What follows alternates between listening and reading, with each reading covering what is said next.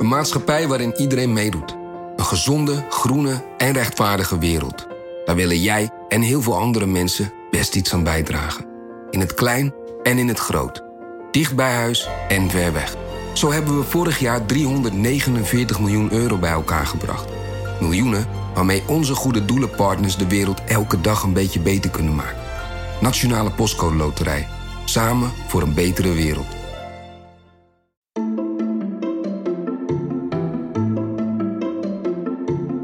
Welkom. Wij zijn Onbehaarde Apen. Dit is een podcast van NRC over wetenschap.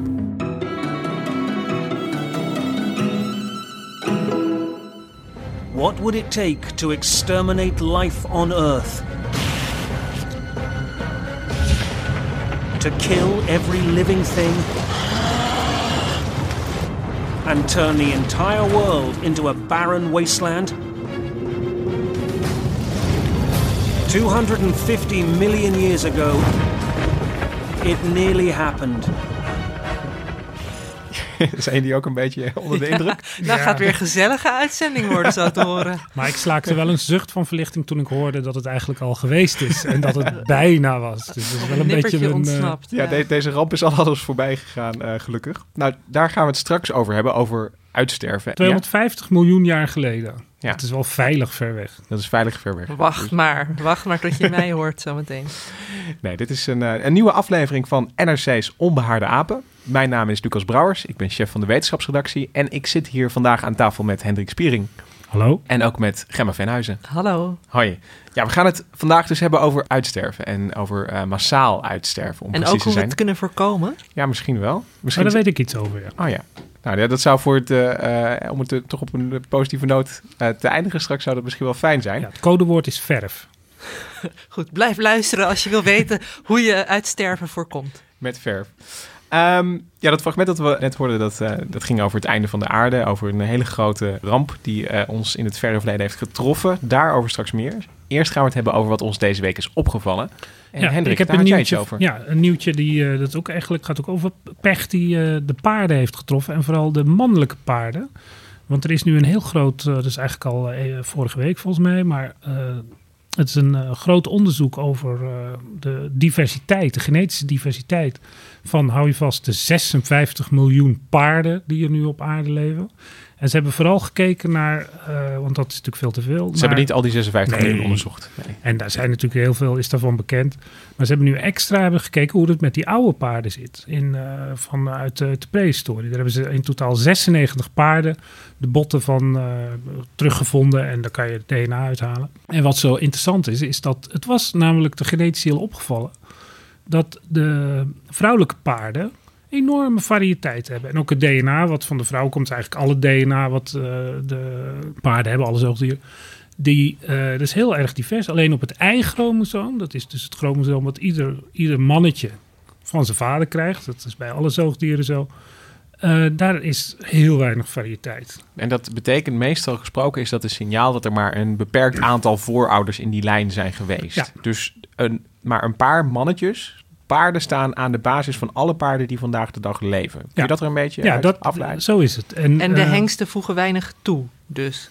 Nou, ze voegen alles toe, want iedere hengst... Ja, je bedoelt, eh, je zou bij wijze van spreken met vijf hengsten... of ik ken dat aantal niet, heb ik nog niet eh, nagekeken... maar met een aantal hengsten ben je klaar. Ja, het de- maakt eigenlijk verder niet zoveel uit welke Nee. je kiest. Nee, en ze hebben dus in, die, in dat paleo-DNA, zoals dat heet, hebben ze gekeken. En dan zien ze dat dat 1500 voor Christus begint dat ineens. Dan beginnen ineens al die, die dat vrouwelijke, dat gewone DNA gaat allemaal prima. Maar die, die hengsten, dat wordt ineens veel kleiner. En dat is ontzettend leuk, want dan kunnen ze een verband leggen met dat er toen paarden steeds meer gefokt werden.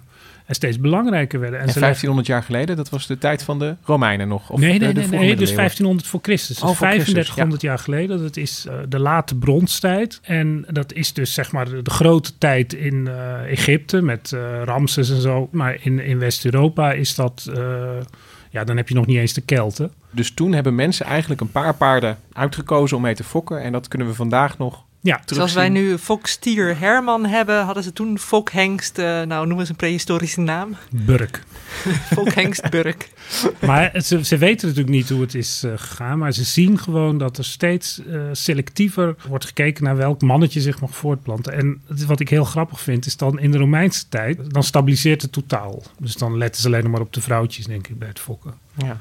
Leuk nieuws. Mij was iets anders opgevallen. Eh, op Madagaskar zijn er namelijk nieuwe chameleons ontdekt. En ik heb een beetje een zwak voor nieuwe diersoorten. Ik heb eh, een, een soort meldertje aanstaan. Dat elke keer als er een, een nieuwe diersoort is ontdekt. en uh, er komt een bericht over, een nieuwsbericht. dan krijg ik een, een mailtje. En ik was heel blij dat deze chameleons waren ontdekt. En het was niet een chameleon die van kleur verschoot. en dat ze toen opeens dachten: hé, hey, een andere soort. Nou, het is wel een chameleon die van kleur verschiet. En op Madagaskar leven heel, is een ontzettend grote chameleon-diversiteit. Als eiland ja, er ontstaan vaak unieke populaties uh, dieren. En dan gaat die soortvorming gaat allerlei leuke kanten op. En deze chameleons, die zijn echt, echt wel kampioen. Want die zetten het niet in om zichzelf te camoufleren, zoals we dat uh, vaak kennen. Maar die gebruiken dat om uh, elkaar te verleiden. En vooral de, de, mannetjes kunnen dan echt heel erg vurig uh, geel en rood worden. Een soort LCD-scherm, zeg maar. Ja, en, maar hoe kunnen wij een LCD-scherm nou zo lang over het hoofd hebben gezien? Ja, de meeste van deze chameleons zijn al echt ontzettend klein. En Madagaskar is nog niet zo goed onderzocht. Dat zijn twee combinaties waardoor er echt elk jaar wel een paar nieuwe chameleons worden ontdekt. Maar het leuke hiervan vond ik is, is van, het is wel bekend dat mannetjes chameleons vaak veel verkleuren en de vrouwtjes wat minder. Maar bij deze soort is het zo dat als het vrouwtje het maar niks vindt wat ze ziet, dan uh, kleurt ze zwart. Heel mooi. En dat, dat vond ik wel uh, evenwichtig. En, Zouden wij mensen toch ook eens moeten kunnen doen? ja. Nou, wij worden rood als we worden afgewezen. Blauwtje lopen. Ja. Ook de mens verschiet van kleur. Wat vaak wel zo is, op, als er op Madagaskar uh, iets wordt ontdekt, dan staat er gelijk vaak bij dat het dier ook al uh, bedreigd wordt, omdat er ontzettend veel hout gekapt wordt. En, en dat is dan altijd het uh, treurige van zo'n nieuwe diersoort. Ja. Um, ja, dus dan hebben we het al eigenlijk al een beetje over uitsterven. Hier gaat het over uitsterven van, van chameleons, van enkele soorten. Maar er zijn periodes geweest op aarde waar het uitsterven echt uh, massaal gebeurde. En paleontologen noemen dat massa-extincties. En uh, daar gaan we het vandaag over hebben. Ik denk als ik massaal uitsterven zeg, dan, dan denken we meteen aan de dino's. Toch? Ja, de dino's. Meteoriet. Meteoriet. 65 miljoen jaar geleden. Ja, Yucatan, Mexicaans schiereiland. Alleen de vogels die hebben het overleefd en de kleine zoogdieren. Ja, de dino's hebben gewoon zulke goede PR dat ieder, ja, ze zijn bijna synoniem geworden met uitsterven. Maar um, als je het geologen en uh, paleontologen vraagt, dan is er een uitstervingsgolf die, ze, ja, die, die veel groter was. Wat er met de dino's gebeurde, dat was bijna kinderspel. Uh, vergeleken met wat er 250 miljoen jaar geleden gebeurde. Dus dat introfragment ging daar ook over. Dus dat is vier keer zo lang geleden als de dinosaurus. Ja, dat is echt... Uh... En het tijdperk, dat heet het Perm. Dat is vernoemd naar het Permgebergte in Siberië, Rusland. En de wereld die zag er eigenlijk toen al best wel modern uit. Hè? Dus het leven modern. was al... Ja. Wolkenkrabbers, uh, gsm-masten. En, en, en, modern is, is, is, relatief natuurlijk. Wat, wat ik daarmee bedoel is dat... Uh, Uitlaatgassen. is dat het, uh, het leven op land was al aardig gezetteld. Je had dieren met een wervelkolom, je had amfibieën en reptielen. Uh, je had beesten in het water. Je had zelfs zwevende hagedissen. Dus uh, eigenlijk... Dat is wat, wat biologen modern noemen dus. Ja, een, een wereld die je een beetje zou herkennen. Want als je dan nog een, een 100 miljoen jaar daarvoor gaat kijken... dan, ja, dan komt dat leven op land net een beetje op gang. En uh, dit is een wereld met, met bossen, met, met meertjes, met rivieren, meanderende rivieren... Uh, met insecten, met, uh, nou ja, met, met, met grote roofdieren is ook. Is dat ook de tijd van die reuze-insecten, van die enorme libelles die dan... Uh... Ja, dat is nog ietsje daarvoor. De, de, dus de, de beesten die insecten eten, die zijn er nu ook al bij. Oh. Ja, dus de libellen zijn niet meer zo gigantisch. Maar je hebt nog wel van die hele grote pissebedachtigen, hè? de trilobieten. Ja, die leven in zee. Ja, en dat, dat, toen had je die dus, ja. Ja, dus er zijn inderdaad wel soorten die we vandaag, ja, die, die, die we niet meer herkennen.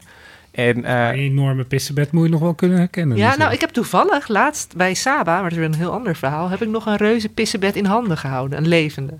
Maar dat was geen trilobiet. Oh, ja. Yeah. Nee, trilobieten zijn die mooie... Uh, ja, ze zijn nu alleen nog maar als, als fossiel, maar uh, er zijn er best wel veel van gevonden. Dus als mensen een fossiel thuis hebben, dan is het ook vaak een, uh, een trilobiet. Je kunt ze in vakantie op Marokko kun je ze ook kopen. Ja, of een ammoniet, dat is zo'n opgekrulde. Zo'n, Ja, dat is een gekrulde schelp. Maar die trilobieten zijn inderdaad... ja, dat zijn een soort ja, pissebedden die ze konden zich ook oprollen. Eh, op, de- op de zeebodem. Maar het, eh, nou ja, het was een bijzonder zeeleven. Maar ook- ik begrijp dus dat eh, de dino's die hebben de betere PR, maar de uitsterving van de trilobieten, reuze pissenbedden, dat moet ook heel bijzonder zijn geweest. Nou, dit was bijzonder omdat het zo heftig was. Er stierf aan het einde van het perm, en dan hebben we het over 250 miljoen jaar geleden, stierf er veel meer uit dan bij die uitsterving aan het einde van de krijt, aan het krijt. Eh, Dat waarmee zijn de de- dino's, ja, toch? Dat is Veel, veel, 75. veel meer soorten, of Ja, veel, veel meer soorten. individuen. Ja. Dus eh, ik heb het even opgezocht. 96% van het zeeleven, van alle soorten die er waren, stierf uit. En 70% van het leven op land. Dus dat Ah, is echt dus een... De zee was te dupe. De zee was behoorlijk de dupe. En gek genoeg, en, en daar komen we denk ik nog wel op uit... eh, met de vissen, die, eh, die trokken zich er verrassend goed doorheen. met de vissen ging het best wel goed. Het ging meer over het, eh, het leven op de zeebodem. Dat kreeg echt een ontzettend zware klap. En nou ja, voor... Want bij de dino's was het andersom, toch? Daar ging het zeeleven eigenlijk redelijk Ja, precies. gewoon door. En Ja. ja. die grote vleeshompen op het land, die legden het loodje. Ja, die waren de klos. En bij het uitsterven van de dino's hebben we een, een hele duidelijke verdachte. Hè? We hebben die meteoriet die dan inderdaad op aarde knalt.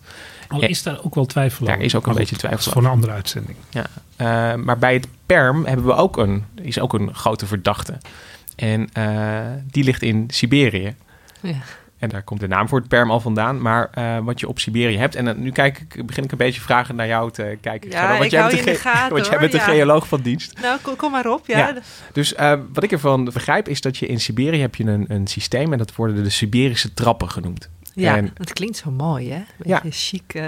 En, en zelfs, ik, ik kwam erachter dat zelfs in het Engels heet het Siberian Traps... naar het Nederlandse woord voor trappen. Ja, het zijn niet de Siberische vallen, maar echt de, de trappen. Ja, Ja, en eh, ja, basalt. dat zijn Eh, basaltlagen. En die, die dus ook echt een beetje gestapeld eh, zijn. Ja, want zijn jullie wel eens op IJsland geweest, toevallig? Ja, daar heb je... Basalt, dat is hard geworden lava. Het is een uitvloeiingsgesteente. en op IJsland heb je van die hele mooie zeshoekige zuilen. Oh, en dat ontstaat... Ja, precies. Daar heb je de Giant's Causeway in Ja. Noord-Ierland bijvoorbeeld. Dat is als, als eh, basalt dan hard wordt en, en krimpt... dan ontstaan er van die mooie zeshoekige pilaren. Maar goed, je hebt ook de, de trapvorm. Ja, dus, dus Siberische trappen. En, en die zijn gevormd in een periode van, een- van een paar honderdduizend jaar. Maar er kwam een enorme hoeveelheid magma aan de oppervlakte. Dus wat je normaal gesproken voorstelt bij een vulkaanuitbarsting... is, is een berg die, nou ja, waarvan de bovenkant waar, waarvan, hoger alles, wordt, ja. ja. waarvan alles uitgutst en zo. Maar hier is echt dus over een, een gebied van ja, ontzettend groot... waar gewoon allemaal magma naar boven komt. En ik heb het even opgezocht. Bij de grootste uitbarsting in eh, de menselijke geschiedenis... dat is dan de Tambora in 1815. Daarbij kwam 30 kubieke kilometer magma aan de oppervlakte. Dus 30 kubieke kilometer. Ah, het, dat het is is een beetje, het is je moeilijk voor te stellen. Maar het klinkt als een hoop, hè? 30 kubieke kilometer. Ja. Als je dat op je hoofd krijgt, dan eh ben je plat. En bij die Siberische trappen is er dus aan het einde van de, van de perm honderdduizenden tot een miljoen kubieke kilometer magma aan de oppervlakte gekomen. Ik krijg ontzettend de neiging om ermee te gaan rekenen. Hoeveel, hoeveel, Hoeveel zwembaden Ja, is dat? nou ja, of eh, wat kan je ermee opvullen? Het is gewoon onvoorstelbaar eigenlijk. Nou ja, en zeker als je zo'n zo'n klein op de zeebodem levend diertje bent... dat niet zo snel weg kan kruipen. Maar dus ik. de oppervlakte van Nederland is 36.000 eh, vierkante kilometer. En Ja. als je daar dan een kilometer gesteente bovenop legt, dat is al... eh, Dan ben je er nog niet. Dan ben je er nog lang niet. Nee, zeker niet. Dus dat is eigenlijk als je de hele Nederlandse oppervlak bedekt met eh, Mount Everest. Ja. Dan, dan kom je in de buurt. Nou, zoiets, zoveel. Nee, dit- dit- je, je voelt dus al een beetje eh, dat, dat het. Maar goed, jammer voor die eh, dieren die dan in Siberië Ja. leefden. Maar ja, verder orde het, of, door, met de orde van de dag, zou ik zeggen. Dat zou je zeggen, behalve dat met die enorme hoeveelheid magma ook een enorme hoeveelheid koolstofdioxide omhoog komt. Met- Ah, dat is goed voor de planten. Dat is goed voor de planten, maar niet als het zoveel koolstofdioxide is. Het, het, het idee is dat de atmosfeer zo verzadigd raakte met CO2 dat je allerlei problemen kreeg. Eh, ten eerste is het, is het de opwarming van de aarde. Nou ja, dat, dat kennen we heel goed van de huidige tijd. Eh, maar de aarde werd ook echt flink wat warmer. Maar dat moet dan dus, is dat meer dan wat we nu hebben dan? Dat is veel meer dan dat we nu hebben. Ik heb het ook nog, daar heb ik ook nog iets eh, over opgeschreven, over hoeveel gigaton CO2 er in de lucht kwam. Dat is echt een, een factor eh 100 keer meer dan wij de afgelopen 200 jaar als mensen de lucht in hebben. Ja, en dus ook de gebracht. oceaan werd warmer, maar ook zuurder. En dat zal zeker Ja. ook wel invloed hebben Ah. gehad. Dus, dus CO2, dat, dat is een soort eh, zwak zuur, zeker eh, als je dat oplost in het water. Dus, dus je krijgt een zuurdere oceaan. Ja, daarom lost cola ook je, je, je glazuur op van je tanden. Eh, ja, cola is zuur om nog meer redenen, denk ik. Eh, maar eh, als, je, als je gewoon een eh, spa rood hebt, dat is ook wat zuurder dan gewoon water. Gewoon omdat er koolstofdioxide in is opgelost. Dus de oceaan wordt zuurder. Omdat het warmer is, lost zuurstof ook slechter op in water. Dus je, kent het wel, als, als het heel warm is in een aquarium, dan hebben die, die vissen die krijgen echt moeilijkheden om, om adem te halen. Gewoon omdat er minder zuurstof in het water zit. Dus wat er gebeurde was dat, zeker in de diepere zeeën, de bodem, daar, daar was gewoon bijna geen... Het was zo Ah. warm dat er geen zuurstof meer was.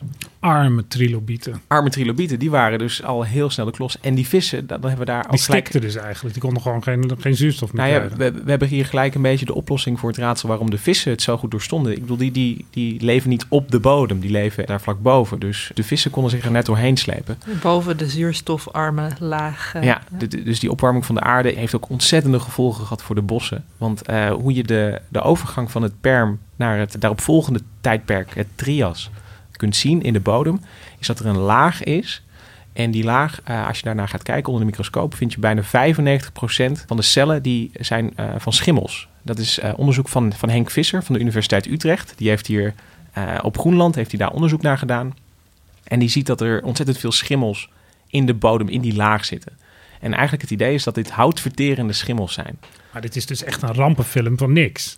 Want dan, dan verdwijnt alles en dan dat het einde is dan dat alles een schimmel is. Nou, het, het, het, Dat het is ja, dus één grote... Niet spectaculair. Ik vind het een vrij spectaculair. Je moet dus voorstellen dat er geen bossen meer staan. De bossen waren sowieso, eh, de, de bomen die er toen waren, waren vooral coniferen en, en wat andere primitieve eh, bomen. Maar die zijn allemaal, die worden allemaal aangetast, opgevreten door die schimmels. Het is één grote slijmerige is troep. toch heel vochtig. Het Ja, is dit- wel een film die ik zou willen zien eigenlijk. maar, maar wat ik me dan... Zijn de schimmels, zijn dat de grote winnaars? Want we weten dus de trilobieten, die hadden pech. Ja. Eh, de bomen, die hadden het zwaar te verduren. Maar je noemde net eh, 95% en 70%. Dat Ja. betekent dus dat er toch nog... Ik kan ook hoofdrekenen, Hendrik. Kan, is het ook nog 5% in de oceanen en 30% op het land eh, nog wel Ja. overleeft. En, en, en dat sleept zich er echt doorheen. En En het dat is echt, zijn onze voorouders. Onder die andere... schimmels, ja. Nou ja, de gewervelde die dat dan toch nog net... Dat zijn allemaal kleine dieren. Alles wat groter was dan, dan, dan 20 centimeter gaat gewoon dood. En de zeelelies had je ook nog. Eh, die sterven ook uit. Ja, die, die groeit op de bodem. Maar die zijn er nu nog, nog maar een paar, eh, geloof ik. Van die restsoorten van een grote familie. Maar je hebt dus echt... Als je kijkt naar die overgang van het perm naar het trias... Is het, in het trias is het echt... Als je naar die fossielen kijkt... Is het echt bijna stil. Terwijl het in het perm bruiste het Ja. nog. Dus, dus dan, eh, dan heb je echt ja, fossielen uit de zee van, van allerlei, eh, allerlei dieren. En, en de, de schelpen, de, de tweekleppige schelpen en, en de andere eh, schelpdieren, die, die overleven het dus wel, maar die krijgen ook een zware klap. Dus het was echt heel stil in het trias. En het leven had echt heel lang nodig voordat het weer op gang kwam. Ik wil nog één dingetje eh, inbrengen voordat we verder gaan naar het heden, denk ik. Dan stappen we even uit het verleden. En is waarom, waarom was dit nou zo heftig? En een van de ideeën is omdat toen alle continenten samengeklit waren in één supercontinent. En dat supercontinent heette Pangea. En het idee is dat zo'n continent kan veel minder CO2 verwerken dan als je de continenten opsplitst, zoals je het vandaag de dag hebt. Want eh, CO2, dat wordt bijvoorbeeld verwerkt in het zeewater, in ondiepe zeeën. Daar le- leven allerlei diertjes, die gebruiken dat Die in een schelpen, kalkskelet. En eh, nou ja, als je één supercontinent voorstelt, dat heeft veel minder rand Kustgebied. ja, dan, eh, dan als je dat allemaal ophakt in continenten. Er is ook minder regenval op één eh, supercontinent, dus minder erosie. Dus er worden minder bergen afgesleten en er zijn minder eh, rivieren. Dus het idee is dat al die continenten op een kluitje, dat dat eh, de aarde best wel kwetsbaar heeft gemaakt voor zo'n CO2-ramp Oké. eigenlijk. Dus wij zijn nou iets beter af. Ja. Maar daarna komen de dino's. Ja, die nemen het sokje over, maar dat, maar dat eh, pas ver in het trias zie je de dino's weer een beetje Oh. roeren. Dus dat, heeft nog, dat duurt nog echt wel 100 miljoen jaar of zo. Eh, ja, uit, vo- voordat de, eh, de dino's echt op gang komen, dan zit je alweer in het tijdperk erna. En dat is het Jura. Oh, Oké. Dus dat, er is eigenlijk bijna één geologisch tijdvak wat, wat gewoon echt, echt heel stil is. Nu denk je natuurlijk van, hoe, hoe erg is dat? En daar heeft Phoebe Cohen, dat is een, een paleontoloog, die heeft daar iets, eh, iets moois over gezegd. But it's, you know, we have this very sort of human centric view. It's like, oh, we're killing the planet. It's like, no, no, no. We're probably killing ourselves. But the planet will be fine. Just give it a few million years, the planet will be fine. Life will go on. Life has always gone on. It has survived huge cataclysmic events, and it has continued and done really fascinating things every single time. Dus het, het leven gaat door, zelfs na zo'n massale uitstervingsgolf. Uh, ook, al, ook al hangt het misschien aan een draadje, er is altijd iets dat overleeft en blijft leven. Uh, en, en uiteindelijk veert het weer terug. Ja, en wij, uh, wij zitten er. Dus wat dat betreft goed nieuws voor ons. En we ja. lijken niet op een schimmel. Nee, en wie weet, als die trilobieten hadden gezegevierd... dan hadden die de aarde gedomineerd... en dan uh, waren wij hun slaven geworden. Nou ja, goed. um, Dacht het niet. maar goed, wij denken nu, hè, lekker, gevaar is geweken. Die Siberische trappen die houden zich uh, rustig. Maar dat is natuurlijk helemaal niet zo. Ik bedoel, allereerst heb je die documentaires over supervulkanen. Hebben jullie vast ook wel eens gezien. Onder Yellowstone in ja. Amerika en zo. Nou, als dat uh, allemaal gaat uitbarsten, dan uh, zijn we ook niet heel erg gelukkig. Uh, maar daarbij zijn wij zelf natuurlijk ook verantwoordelijk voor het uitsterven. Welkom in het Anthropoceen. Het Anthropoceen. Ja. Het Anthropoceen.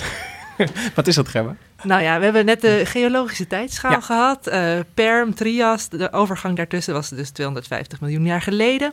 Um, maar volgens de lang uh, officieel geldende tijdschaal leven wij nu in een tijdvak dat het Holocene heet. Ongeveer begonnen aan het eind van de laatste ijstijd. Nou, zeg even grofweg 12.000 jaar geleden. Maar al jarenlang zijn er geologen die pleiten uh, voor de vestiging van een nieuw tijdvak, het Anthropoceen. Um, naar ons genoemd eigenlijk, omdat dit het tijdperk van de mens zou zijn. En antropo betekent dan mens. Precies. Ja. Um, want het is namelijk zo, zij zouden dat tijdvak dan willen laten beginnen rond 1950. En als je een nieuw tijdvak hebt, hè, je hebt zeker bij de geologie, kijk je altijd in het verleden. Dus je moet iets hebben waaraan je kunt zien, hé, hey, daar begon een nieuwe periode. Nou ja, wat je net noemde over die schimmels bijvoorbeeld. Waaraan zou je dat dan bij de mens kunnen zien? Is Ah. onze invloed. Ja, nou, zeg, Atoomproeven. hele goeie. Nou ja, en Uh, plastic? plastic. Nou ja, hè, je moet zo meteen maar weer even kijken eh, na Koningsdag. Wat wij dan allemaal qua troep achterlaten op de straat. Het zou mij niets verbazen als er dan in Nederland een klein oranje laagje in de toekomst. Een soort eh, jaarlijks terugkerend laagje te zien is eh, voor het Anthropoceen. Dat, Maar- dat ze gewoon Koningsdag steeds kunnen terugzien. ja, precies. Ja. Ja, want dat, dat Dit is, was een koude konings, Koningsdag, want heel veel mensen droegen oranje boa's. En- Het heeft me ook altijd verbaasd dat, dat de dinosauriërs nooit een. Die hebben ontzettend lang de tijd gehad. Maar die hebben nooit een technologische beschaving ontwikkeld. En dan hadden we ook zo'n laagje met eh, ja, dino-dingetjes ja, gevonden. Spullen. Maar misschien was het allemaal in de cloud bij de dino's. hè, Ah, ja, dat, dat eh, kan ook. En, en, en Gemma, eh, de, de, ik bedoel, we, we hebben het net over die CO2-ramp gehad, die, die het perm heette. Maar zou je ook terug kunnen zien in de bodem dat wij nu veel CO2 in de lucht aan het pompen zijn? Ja, ehm, CO2, nou ja, vast. Ehm, Ja, en je ziet, je ziet eh, warmte eh, geeft andere diersoorten op andere plekken. Dan moet je dan kunnen zien. Zodat je ook de opwarming in, in allerlei eh, prehistorische tijden moet kunnen zien. ja, nou ja, je ziet bijvoorbeeld nu al in de oceaan dat de ehm, oceanen steeds zuurder worden, waar we het net over hadden. Dat bepaalde soorten, de vleugelslakken, worden ook wel de kanaries van de oceaan genoemd. Omdat die een heel teer schelpje hebben van aragoniet, een bepaalde kalksoort. En die dreigen nu allemaal uit te sterven. Dus je zou kunnen zeggen, zodra je geen huisjes van vleugelslakken meer vindt, nou, dat is al een teken van onze invloed. Maar er is veel meer aan de hand. Want hè, in het verleden zijn eigenlijk vijf grote uitstervingsgolven geweest. We hebben de dino's gehad, we hebben het Perm-Trias gehad, nou, nog zo'n paar. Maar de vraag is, zijn wij nu bezig met het Anthropoceen met de zesde grote uitstervingsgolf? En dat is natuurlijk waar we het net over hebben, over klimaat. Maar er is zoveel meer aan de hand. Ik bedoel, wij eh, jagen op dieren. Wij nemen hun, hun woongebied in. dat, we ik. versnipperen het. Ja, wij zijn er überhaupt, waardoor we ook weer concurreren met ze om leefruimte en dergelijke, om voedsel. Wij gebruiken ze als voedsel. Ja, ik denk dat als eh, de geologen ge- eh, v- in een ver voorbij eh, tijdperk, of wat nog moet komen natuurlijk, in de, ver in de toekomst bedoel ik, eh, gaan graven, dan zullen ze misschien eerst denken dat de koeien de macht hebben gegrepen. Omdat ze vinden overal koeien. En eh, dat is natuurlijk een enorme succesvolle diersoort. Misschien dan de varkens. En op een gegeven moment komen ze erachter dat die eh, geen handen hebben om telefoontjes Maar vast te dan, dan houden. lezen ze eh, Animal Farm van George Or- Orwell en dan begrijpen ze dat de varkens toch aan de winnende hand waren. Maar wat je eigenlijk zegt, Gemma, is dat, dat mensen nu een soort eh, geologische kracht zijn eh, geworden. Of ten- tenminste... ja, een- zoals een- die supervulkaan. Of de, Ja, een, een, een, eh, een aanwezigheid die, die de hele planeet eigenlijk verandert.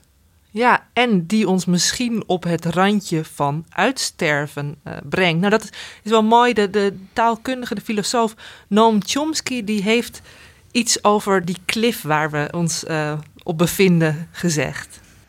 When I uh, hear the phrase on the edge, the irresistible image is the proverbial lemmings uh, marching resolutely to the cliff. Uh, for the first time in history, humans are now poised to destroy the prospects for decent existence and uh, much of life. Nou, eh, lemmingen die zich massaal de afgrond instorten.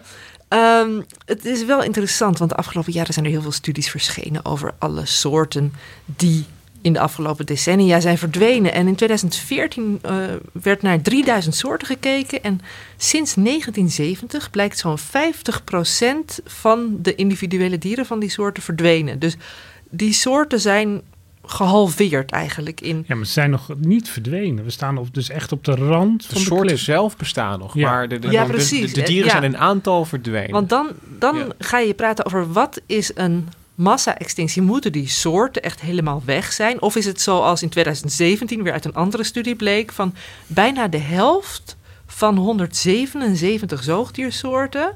heeft meer dan 80% eh, van hun verspreidingsgebied verloren... tussen 1900 en 2015. Ja. Maar is, is dat, als je er middenin zit, zoals, zoals we nu zitten, dan, dan is die definitiekwestie heel lastig. Maar als je eventjes uitzoomt en, en gaat kijken van, eh, inderdaad, van zoals jij net deed, Hendrik, van als, als we later gaan graven en terugkijken, dan, eh, dan, dan zie je al dat er iets eh, ontzettend is veranderd. Want natuurlijk, nadat die Siberische trappen beginnen, dan duurt het ook een tijdje voordat alle dieren echt weg zijn. Hè? En dan, en dan op, als je halverwege had gekeken, dat je gezegd van nou, Ja, is het dus- toch een massa-extinctie? Nou, er zijn nog wel wat uh, trilobieten over. Het is wel eens beroerder geweest. Van het zijn er niet meer zoveel als vroeger, maar hè, het zijn er Ja. weliswaar minder. Eh, en, op, en op zo'n moment zitten we nu ook eigenlijk. Kijk, als je kijkt naar, zeker naar grote zoogdieren bijvoorbeeld, die, die, ja, daar is bijna geen plek meer Ja, voor. is- als je het over, of het nou over gorilla's, giraffen of eh, tijgers, of, eh, dat is allemaal kantje boord. Dus dan soms, eh, geloof ik, één girafsoort gaat het dan wel weer goed mee. En dan denk je, nou prima. Maar het is allemaal, eh, het wordt alleen gele- globaal gezien alleen maar minder. Ja, maar dan ga je ook weer hè, op, op, op de, wat, wat is erg voor de dieren.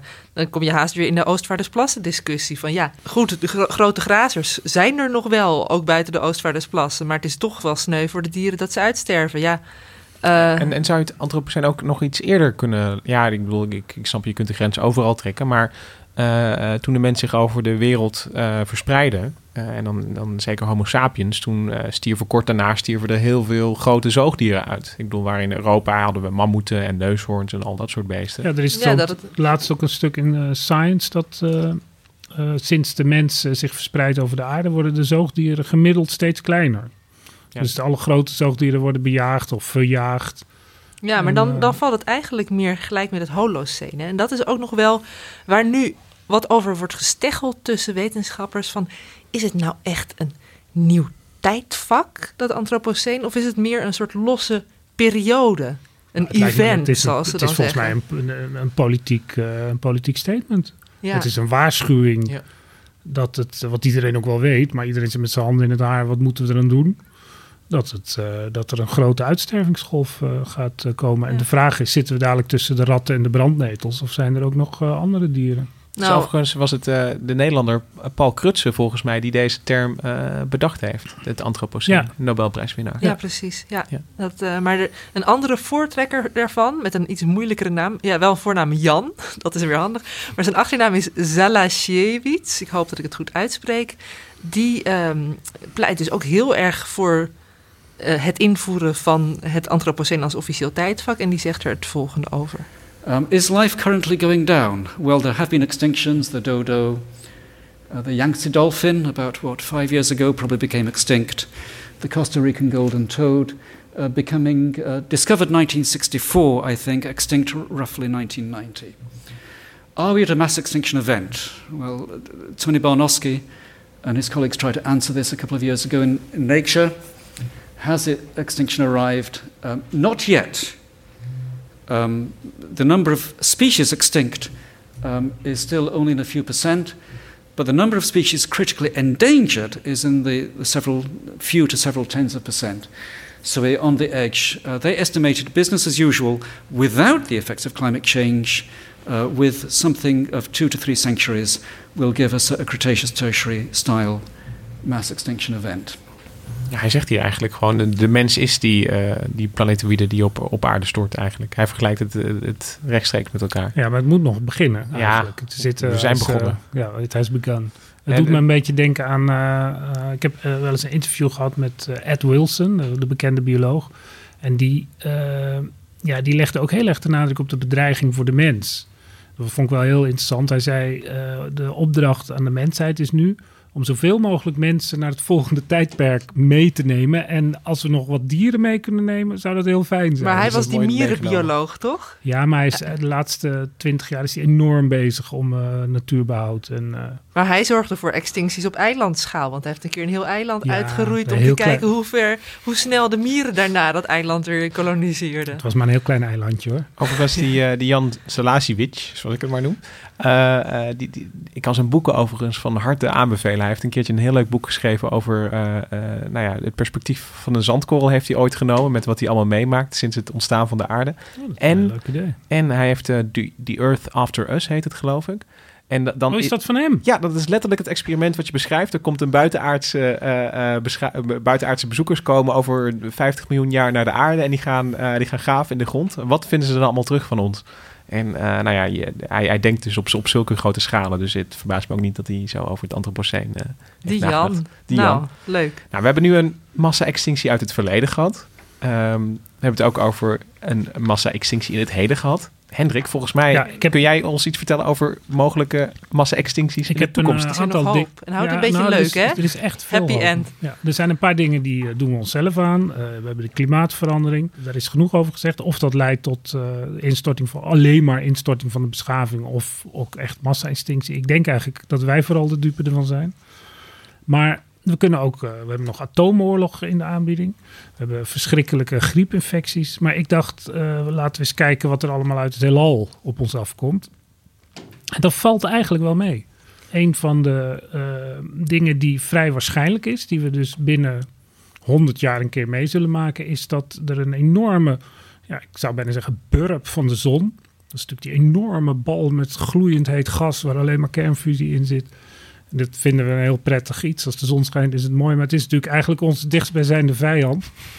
En uh, als er, uh, er kan met een enorme burp komt er dan wat dan heet een corona mass ejection. Dus er komt een deel van het gas uh, van de rand van de zon wordt naar buiten gestoten. En hoe ver komt het dan? Moeten we dan op, kunnen wij dan daarin in zitten of ja, komt het niet ja. zo ver? Het, we hebben een paar dagen waarschuwingstijd, maar er is niks aan te doen. Alleen, het is een vrij gerichte vlam. En er zijn er prachtige rampenfilms over gemaakt. Er is een film met de fantasievolle naam Solar Flare. Maar ik heb hier een fragment uit de Carrington Event. The Carrington event is a once in 500 years occurrence. This cloud is on a collision course for Earth. Colossal sized balls of turbulence. Major damage and knocked out power to most part of Ontario. Are we looking at days, hours? Grandpa, what's happening? It'll be alright, sweetie.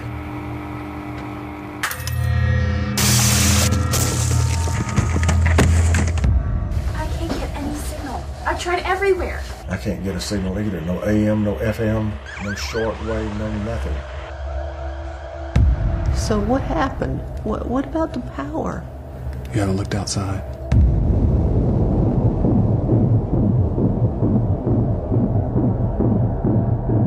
Het is, uh, die, die rampenfilm is een klassiek uh, scenario.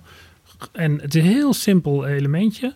Alle elektriciteit die valt weg. Het is dus niet zo dat we, als je zegt van, van de zon eh, die laat een boertje, dan, dan zou ik misschien denken van dat we, dat we levend zouden verbranden of zo. Nee. maar Nee, dat, is is- dus niet het geval. Nee, Het het is is- alleen maar dat we niet meer met elkaar kunnen bellen en eh, niks meer Ja, in de magnetro- Dat de magnetron waterpomp het niet meer doen. Dat er geen, enkel, eh, geen enkele stroom meer is. Alle computers doen het niet meer als de Lekker batterijen helemaal leeg zijn. Bij kaarslicht. Want wat gebeurt er namelijk? We worden namelijk gevangen in een enorm magnetische flux die ontstaat, omdat het allemaal geïoniseerde deeltjes zijn die van de eh, zon afkomen. En die, die, die omwikkelt eigenlijk de, de, de aarde. En het, wat ook effect is dat er eh, allerlei eh, eh, energierijke straling die komt in de opperste atmosfeer. En dat ioniseert dat gas weer. Je krijgt eigenlijk een soort noorderlicht-effect over de hele aarde. En het Het is klinkt dus, steeds leuker. Ja, Wanneer er- kunnen we dit verwachten? Er is er in 1859 is er een eh, geweest. Dat heet de Carrington Event. Naar de astronoom die dat toen eh, ontdekt heeft. Het was een noorderlicht tot in Cuba. En iedereen heeft het overleefd. Ja, en er waren mijnwerkers in de Rocky Mountains. Ook zo'n schattig verhaal. Die eh, te vroeg opstonden en eh, aan het werk gingen. Omdat ze dachten dat de zon was onder, opgekomen. Omdat er zoveel licht aan de eh, hemel was. maar het, wat- het, het klinkt wat- inderdaad romantisch, maar het, ja, maar toen had je alleen nog telegraaf wat elektrisch Ja. werkte. En telegrafisten kregen elektrische schokken omdat alles waar een stroom in kan lopen, daar ging ineens een stroom in lopen. Ze konden ook eh, dingen verzenden zonder extra stroom toe te voeren, want er stond al stroom op, gewoon door de magnetische flux in de, de atmosfeer. En ja, toen was het ja, jammer, dat was niet zo erg, omdat het nog een primitieve beschaving was. Maar als, het nu zo zou, als dat nu zou gebeuren, dan zouden dus, eh, denk ik, jarenlang enorme problemen zijn met de en, stroomvoorziening. en, en Een krijgt iedereen die achter, bug, maar dan anders. en krijgt iedereen Ja. die achter een computer zit, krijgt dan ook een schok? Oh, dat zou best kunnen. Of eh, over, overal kan, kan stroom in gaan lopen en het brandt door. Oké. Dit, maar eh, dit, dit klinkt heftig, maar eh, en, en we, we zullen inderdaad een paar jaar eh, nodig hebben om, om eh, de aarde, of nou ja, om Ja. al onze apparaten weer op gang te krijgen. Maar uitsterven, dat Nee, het is gaan geen we hier niet door. uitsterven. Nee. Nee, we hebben de pas. Heb je nog iets ergers? Ja, ik heb iets ergers. Dat is een supernova in de buurt. Dat is, eh, dat is ook altijd een heftig eh, gebeuren. Dan is er in korte tijd komt er evenveel energie uit een ster als eh, de zon in zijn hele leven uitzendt. Want een, supernova is een ster die doodgaat? Of? Nee, een supernova is een ster die aan het einde van zijn eh, levenscyclus is. Die heeft geen eh, eh, helium of... eh, die heeft eigenlijk alles opgebrand. En dan in een laatste knal eh, brandt hij op wat hij nog heeft. Nog en dat vlammen, een enorme explosie komt er dan. En dat komt ook omdat dan de, de gasdruk uit het centrum... dat is allemaal heel technisch, die verdwijnt dan. En dan komt alles bij elkaar en dan stoot hij de buitenste laag af. En er blijft een witte dwerg. Of, als het een hele grote ster is, een zwart gat blijft over. En worden wij dan allemaal gefrituurd als zoiets plaatsvindt? Als het binnen 50 lichtjaar is, dan komt er een enorme eh, eh, gamma-ray eh, burst. Dus uh, gammastraling komt er op ons af. En Dat is röntgenstraling. Ja, röntgenstraling en hoger. Als dat ons treft, dan eh, verdwijnt de ozonlaag. Dat is Hmm. eigenlijk het voornaamste effect. Gebeurt van alles, maar dat de ozonlaag weg is, dat gaan we merken. En dan verbranden we allemaal door de te Ja, vele, dan- dan te we- hoge dosis UV. Ja, en dan sterft waarschijnlijk het eh, in de zee de bovenste laag uit, want het is heel kwetsbaar voor UV-straling en er komt heel veel huidkanker. Ja, dan krijgen we alleen dat, dat de dieren die dus misschien juist diep in de zee eh, eh, leven, die, eh, die redden we misschien En de. Australiërs, want die zijn al gewend. Die hebben al een gat in de ozonlaag. Ja, nog even, maar hoeveel, want je zegt 50 lichtjaren, hoeveel potentiële supernova's hebben wij binnen 50 lichtjaren? Nou, geen één. Oh, oké. En de dichtstbijzijnde is een bekende ster, of in ieder geval de, de, de rijpste ster in de buurt. Die staat op 700 lichtjaar. Dat is Betelgeuze. En die kan eigenlijk ieder, dat is een, een enorme grote rode ster. En die, die krimpt ook een beetje en dan zet hij weer uit. En er gebeurt van alles mee. Dus dat is. eh, Maar die kan gaan ploffen. ja. En, En- wa- wat, wat, wat krijgen wij er dan van mee? dan krijgen we een ster die meer licht, evenveel licht geeft als de volle maan. Oh, Ik Dat- denk een, minstens een aantal maanden, misschien wel langer. dan is het elke, elke nacht is het zo helder dat je een boek kan lezen buiten. Denk het wel, Ook alweer zo romantisch. Ja. En dan zijn we ook veilig. Ja. En onze zon blijft het gewoon voorlopig ook nog doen. Dus dat... Tenzij, er, je hebt ook een hele gefocuste gamma-ray burst. Die, als die precies op ons is gericht, dan zijn, we, dan zijn we weer het haasje. Maar die kans is echt heel erg klein. Oké. En waar moeten we nou echt van wakker liggen s'nachts? Vraagt hij verlekkerd. Het is toch De een beetje meteoriet. griezelen. А что думаешь, может, спутник там уже же падал, а не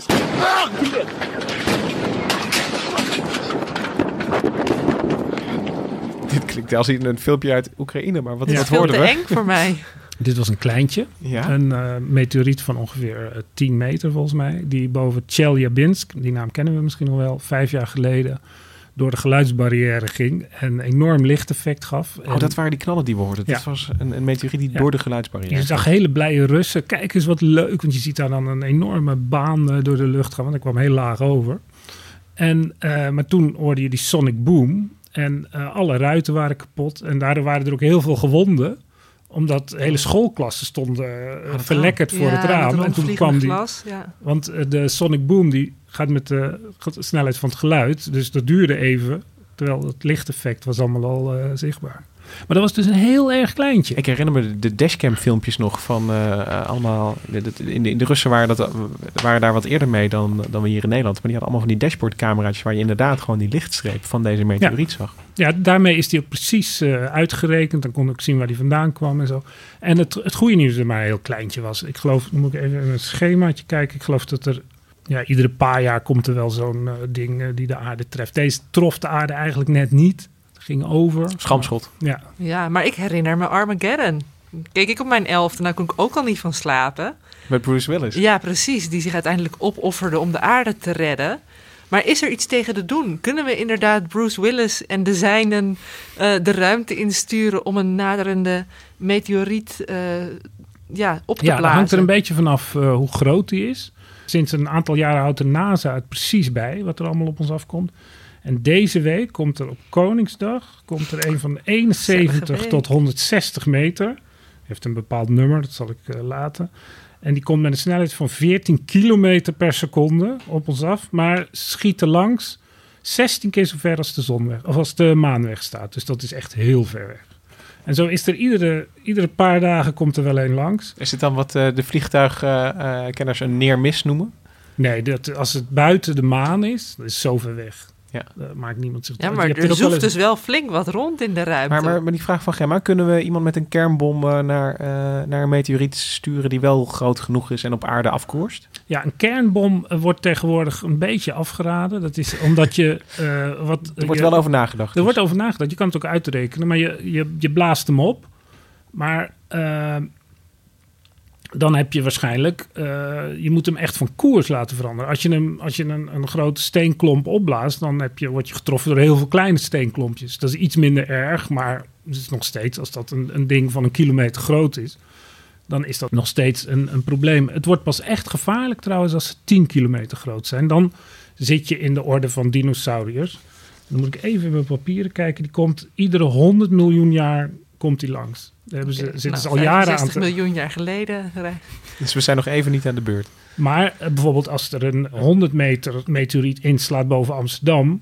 en dan moet ik weer een ander lijstje kijken. Dan hebben we een krater van Waar haal je al deze lijstjes vandaan, Hendrik? 1,2 kilometer. En 100 meter komt iedere 5000 jaar langs. Hmm. Dus kan gebeuren. En dan heb je dus, maar dan heb je uit- over extincties gesproken, heb je een local event. Dat is dus heel erg jammer voor West-Europa. ja. Ja. Maar voor de rest van de wereld gaat het leven gewoon verder natuurlijk. Nou, dus het, het, slechte nieuws voor eh, al het andere leven, dat eh, eh, wiens leven het wij, zo, wij het zo zuur maken, is het niet heel waarschijnlijk. Als, als ik jou zo hoor dat, dat iets uit de ruimte ons binnen afzienbare tijd met z'n allen over de kling la- En al- als we zien dat er zoiets aankomt en het, het nadert Nederland, dan gaan we gewoon met z'n allen even op vakantie naar Spanje bijvoorbeeld. Ja, Toch? Dat kun je wel zou van- iets verder weggaan, maar je weet maar nooit. Maar wat kun je er tegen doen? Als je maar lang genoeg van tevoren weet dat zo'n eh, meteoriet echt de aarde zal treffen. Kijk, de, de ruimte is enorm groot en de aarde is maar heel klein. Dus het, moet, het is echt eh, het is maar een heel kleine mogelijkheid dat die precies op het juiste moment eh, op de juiste plek is. Ik heb hier ook een boek van Donald Yeomans. Dat is een van die NASA-mensen. En die heeft een boek geschreven. Near Earth Objects Finding Them Before They Find Us. En dat is dus het eh, doel van, die, eh, van die, al die berekeningen. En wat ze dan kunnen doen, als je maar lang genoeg van tevoren bent, als je maar een heel klein beetje van richting laat veranderen, ja, dan schiet hij er al langs natuurlijk. En dit is dus wat de dinosauriërs hebben nagelaten. Een van de nachtmerries is dat je het net verkeerd doet. Dat je dus eentje waarvan je gerek- verkeerd gerekend hebt, dat je precies de aarde laat treffen. Maar, Maar je, je- kan, je kan hem bijvoorbeeld aan één kant wit schilderen. Oh, daar komt de ja. verf kijken. Oh, hier is de verf.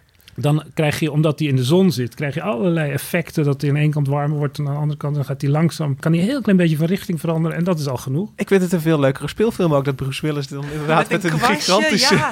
Zullen we de remake, ja, Armageddon gaat. deel 2. Ja. Ik, heb, ik heb ook een saaie variant. Dat is dat je er met een, als die niet te groot is, ga je er met een ruimtevaartschip naast eh, vliegen. En dat zwaartekrachteffect, als je maar, als het natuurlijk een paar jaar van tevoren is, dan komt hij al net een beetje uit in een andere richting bij hem ook al kwijt.